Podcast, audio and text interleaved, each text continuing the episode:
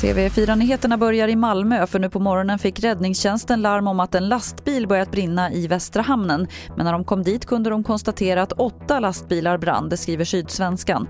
Enligt de senaste rapporterna från platsen är branden ännu inte under kontroll och det finns risk att elden sprider sig. Idag är det häktningsförhandling mot 37-årige Espen Anders Bråten efter pilbågsattacken i norska Kongsberg då fem personer dödades. Allt tyder på att Bråten genomförde attacken ensam men något motiv till varför han gjorde det och om det rör sig om ett terrordåd är fortfarande oklart. Och frågan om attacken hade kunnat förhindras har nu landat på Norges nya regering och statsminister Jonas Gahr Støres bord. Detta visar ju att samhället vårt är sårbart. Det understreker igen att eh, beredskap det är eh, en eh, sammensatt sammansatt for för ett samfund.